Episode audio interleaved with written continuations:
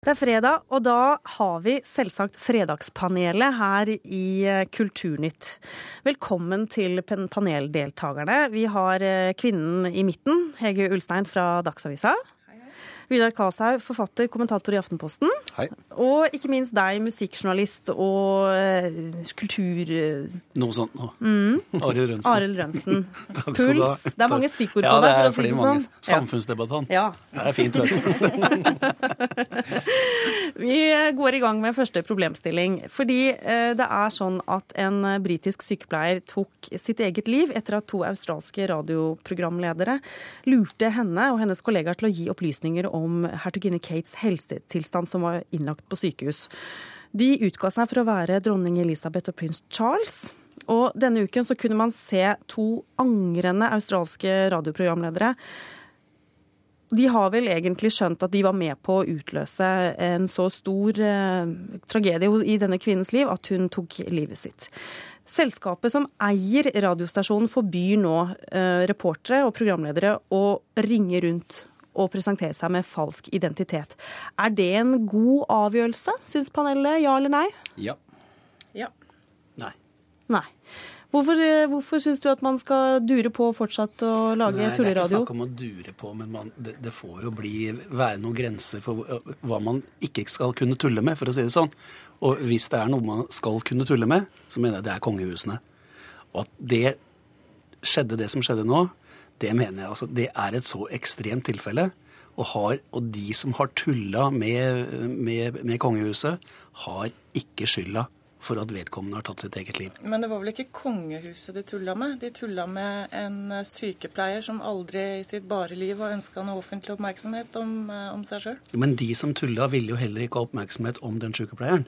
De ville jo ha oppmerksomhet rundt omkring og lage lite, en tullegreie rundt omkring kongehuset og alt det, alt det, tullet som er rundt kongehus flest. Ja, Hegelstein, du mener at det går liksom et skille her? Altså, de, de, de, Spøken når aldri kongehuset fordi det er den stakkars sykepleieren som blir eh, lidende her? Ja, hun har aldri bedt om dette her. Hun har aldri hatt noe tre, trening eller vært noe forberedt på å bli en offentlig person, og havner plutselig eh, i den situasjonen hun gjør. Selvfølgelig, altså, Hvis de hadde klart å komme gjennom til Buckingham Palace og tulla med dronning Elisabeth, eller eh, en eller annen toppolitiker eller noe sånt, så, så syns jeg det blir en uh, annen historie. Men jeg, jeg syns dette her er et av mange eksempler på at litt sånn kjapp, lettvint, morsom uh, journalistikk, enten det er radio eller sånn klikkjournalistikk, hvor man plutselig hiver ganske vanlige mennesker ut i ut, og eksponerer dem for et enormt nettpublikum, er jeg, jeg liker ikke den utviklinga. Et annet eksempel er jo hun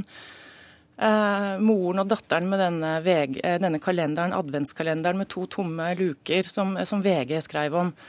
De hadde jo aldri sett for seg konsekvensene av, eh, av, av den hetsen de ble utsatt for på sosiale medier. Ja, for De gikk ut og klagde litt, og så ble det laget en artikkel på det. Og så ble det en Facebook-kampanje hvor man tulla om at man skulle lage fakkeltog. Ja, og det ene med det andre. Og det, det er sikkert hyggelig for VG-nett å få mange klikk på den saken og mye delinger på Facebook og sånn, men men dette her er helt vanlige mennesker som ikke er forberedt på det kjøret, og som plutselig er, eh, blir ledd av av halve Norge. Og jeg syns man skal være litt forsiktig med, med, å dra den type folk inn i, inn i den malstrømmen der. Og Vidar Kvalshaug, er det sånn at uh, hva skal man si, at vi i media tror at folk tåler dette her? At, at man går langt over streken og regner med at folk skal takle det, selv om det da kan bli jævlig vanskelig? Ja, I de aller fleste tilfellene så går man ikke for langt over streken. Eh, I de fleste tilfellene så går jo dette bra, med noen som spretter opp fra en eske eller fra et bakrom og sier hei, hei, du har blitt lurt, og,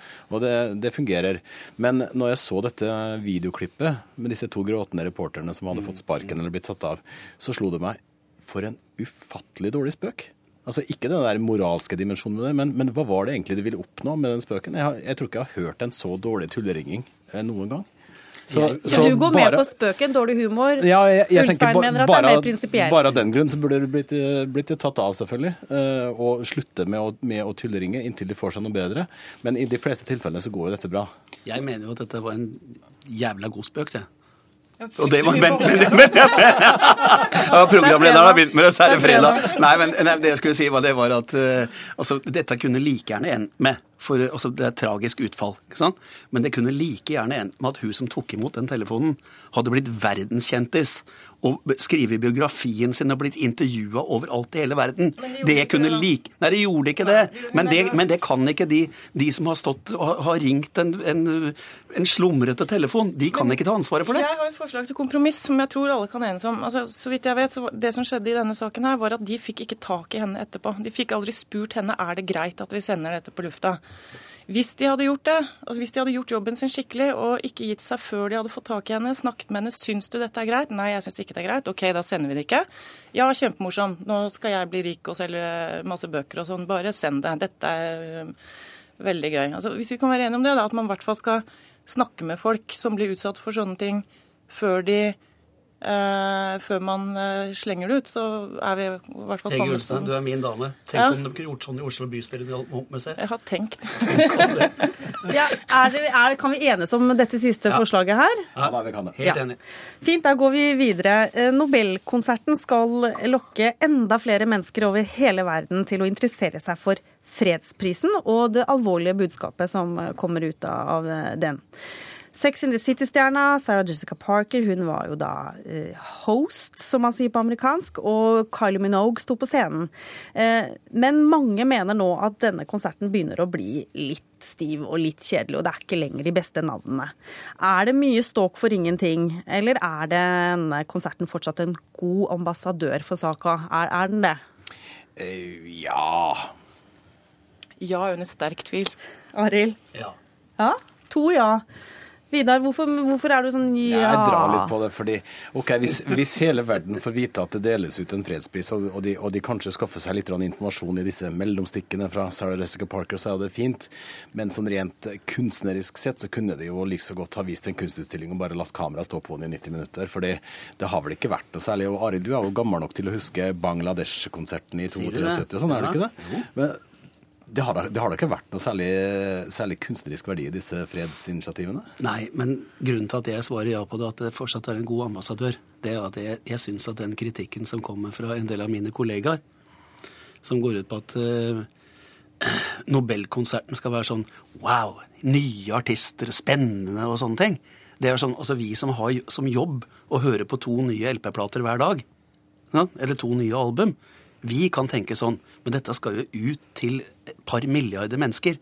Derfor så syns jeg at de, de kunne godt vært litt mer spennende enn i år. Men det å ha det trygt, en, som artistene er trygge, sånn som det var i år, det syns jeg er en helt fin måte å arrangere akkurat den konserten på. Hege. Ja, altså, nå må jeg bare innrømme at jeg så ikke denne konserten. Jeg så en TV-serie om noen zombier som heter The Walking Dead, men etter hva jeg har forstått, så går det litt sånn ut på ett, egentlig. jeg.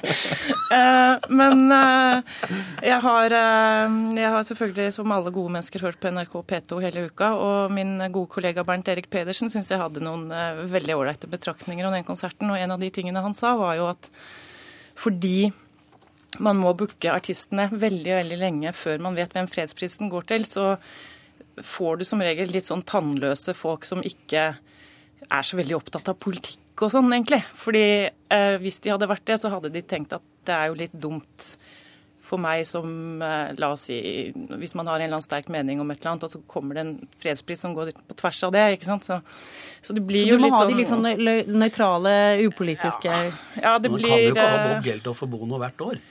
Nei, har de vært der, da? Nei. Nei ikke sant? Ja, er det, er det, er det, Hvis du skulle liksom plukke fra øverste hylle, Arild Rønsen, hvem er det du ville hatt? Jeg ville jo hatt Bono, og jeg mener at mer enn det. Jeg, jeg mener at man burde gjøre om på hele denne ordninga med hvem som sitter i den komiteen. Bono burde vært sjef for, den, for Nobelkomiteen. Så enkelt er det etter min oppfatning. For han er jo levende opptatt av dette, i motsetning til mange av de som har vært medlemmer der. Jeg har ikke noe mot noen av de som sitter der akkurat nå, men det burde vært eh, tatt ut medlemmer etter helt andre prinsipper enn nå. Nå er det sånn at du får det, får, kommer i komiteen fordi at du har sittet på Stortinget noen år. Det er klart Bono burde vært generalsekretæren for den komiteen på livstid. Da skal jeg være den som har et forslag som vi kan samle oss rundt her. Ok, Vi lar Bono uh, være sjef for Nobelkomiteen, og så gir vi Jagland et band. Ja, hvorfor ikke? Det kan umulig bli verre enn det er nå. Så det dere egentlig vil, er å gi Bono ansvaret, ikke bare for konserten, skjønner jeg, og plukke ut eh, artister, for det kunne han jo kanskje ha gjort, men du vil ha ham til å styre hele Jeg mener at Nobelsjappa nå drives veldig dårlig. Ikke fordi, at, ikke fordi at Jagland er spesielt dårlig. Nå syns jeg EU var ganske dårlig valg også, da. Men det er klart at her, Norge har fått lov å dele ut fredsprisen. Det står ingenting i testamentet om at det skal være norske deltakere i den komiteen, men den skal, den skal utnevnes av Stortinget. Tenk hvilken prestisje den prisen ville ha fått i forhold til nå. Hvis, ikke- hvis Stortinget hadde sagt at OK, generalsekretæren for komiteen heter Bono. Men kan vi ikke snu på det? da? Bare rett og slett si at Bono også kan utnevne Stortinget? Så er vi liksom der vi skal. Det kommer i hvert fall mange kontroversielle forslag fra panelet her i Kulturnytt i dag. Jagland skal begynne å spille i band, og Bono skal ta over jobben hans. Det høres, det høres interessant ut.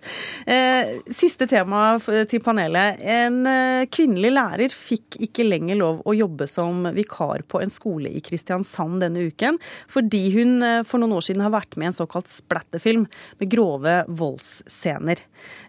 Det var elever som hadde googla læreren sin og sladra til foreldrene sine, som igjen tok opp saken med skolen, og nå har hun altså mistet jobben. Er, det, er dette en sånn grei grense for hva en lærer kan få lov å bruke fritida si på? Læreren må absolutt gjøre sånne ting, ja. Ikke en grei grense. Svaret er nei. Jeg syns læreren burde få gjøre svært mye som hun sjøl vil på fritida si. Ja. Her er det rett og slett eh, vanskelig å få veldig store uenigheter ut av dere. Eh, Men er du overrasket over denne saken i det hele tatt, Gulstad? Nei, altså, jeg er veldig jeg er oppsiktsvekkende lite overrasket, vil jeg faktisk eh, kunne påstå. fordi eh, da min eldste sønn eh, begynte på ungdomsskolen, så hadde vi en eh, ganske lignende historie gående hjemme hos oss. Han, han kom eh, begeistret hjem og fortalte at den nye mattelæreren hans og også klasseforstanderen eh, spilte, og fortsatt spilte, i pornofilm. Eh, og vi, vi voksne tenkte sånn jaha, det, dette kan jo bli gøy. Og dette var da funnet ut ved å google navnet hans. Eh, ja, ikke sant. Vi, vi var jo Ja, hva tenkte du da? Burde denne læreren få lov å lære bort jeg til var barnet mitt var jo veldig skeptisk, det, det må jeg si. Eh, Men så viste det at eh, han eh, Espen, som han heter, han, han spiller da i bandet pornofilm. Eh, Han spiller gitar i bandet pornofilm, og han er også musikklærer, veldig, veldig god musikklærer. Og de eh, ungene lærte å spille gitar som bare det. Falsk og alarm. Den beste mattelæreren vi noen gang har vært borti, eh, og da snakker jeg for samtlige familiemedlemmer, så jeg tror man skal være forsiktig med å si at lærere som driver med ting som kan høres litt rart ut på fritida, ikke kan være et drivende dyktig lærer. Det, det har jeg eh, Men herved elevene bevist. finner jo mye mer ut av ting om dagen. Altså, det er jo, ting er jo helt gjennomsiktig. Det må jo finnes noen eh, retningslinjer. Vidar? Ja da, for all del. Men jeg tenker på en ting, på, en, på et annet scenario her. Hvis de hadde googla læreren og ikke funnet noen ting, da ville jeg blitt virkelig redd. fordi hvis du setter inn en vikarlærer som ikke har erfaring i livet, og som ikke har vært borti noen sosiale medier eller noen ting her i livet, da er det alarm. altså. La det alarm, jeg, jeg, jeg vil si det sånn at eh, jeg er helt enig med Vidar. Og, og tenker som så at ja, ja, akkurat denne høsten så har jeg lest eh, biografien om Mick Jagger. Og det kan jeg tenke meg at eh, altså, Pornofilm blir vel sånn sett kanskje bare fornavnet, akkurat det. Har vært med på ganske mye. Men, men vis meg den skolen i verden som han har sagt at Mick Jagger ikke får lov å være musikklærer her. Ja? Ja. Sir Mick Jagger.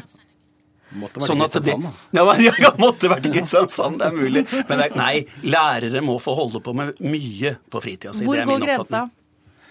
En, eh, en spillefilm som har fått støtte, som er en splatterfilm, en, en litt sånn aparte greie, det er helt OK, iallfall. Jeg syns grensa går eh, ved døra til klasserommet. Ja. Altså, lærere må uh, kunne altså, lenge, Så lenge det er innenfor norsk lov og Altså, De må jo ha vandelsattest og sånn før de begynner med disse jobbene i det hele tatt. Men Ja, for det finnes jo noen grunnregler det finnes her. noen grunnregler. Men altså, hva de holder på med fritida, enten det er politiske oppfatninger eller kunstnerisk virksomhet eller eh, andre ting altså Hvis de gjør jobben sin skikkelig og er gode lærere og, eh, og gjør det, så syns jeg det er det som skal telle. Ikke, og i dette tilfellet her syns jeg det er helt latterlig. Det er fire år siden. Altså Skal hun ha yrkesforbud resten av livet, eller hvor lenge eventuelt altså, det er, Men Hege, helt- endra du oppfatning nå i løpet av eh, snakkinga di? Nei, hun var vel ganske klar. Jeg, har, Jeg jeg syns hun var veldig klar, men jeg syns jeg jeg det er skremmende at jeg er så enig med deg i dag. Hege, Fordi at eh, grensa går ved norsk lov. Så enkelt er det. Grensa går ved norsk lov. Og fakkeltoget til Lambda. Der, der går det en grense. Ja, men Da kan vi altså oppsummere med at uh, lærere får uh, lov å gjøre hva de vil, så lenge de eh, holder seg lenge- reine på vandelsattesten ja, attesten sin. Så lenge ungene får gode karakterer. Det er Det er viktig. Det er viktig. Jeg sier tusen takk til dere i Fredagspanelet. Hege Ulstein fra Dagsavisen, Vidar Kvashaug, eh, forfatter og kommentator i Aftenposten, og Arild Rønsen, altså.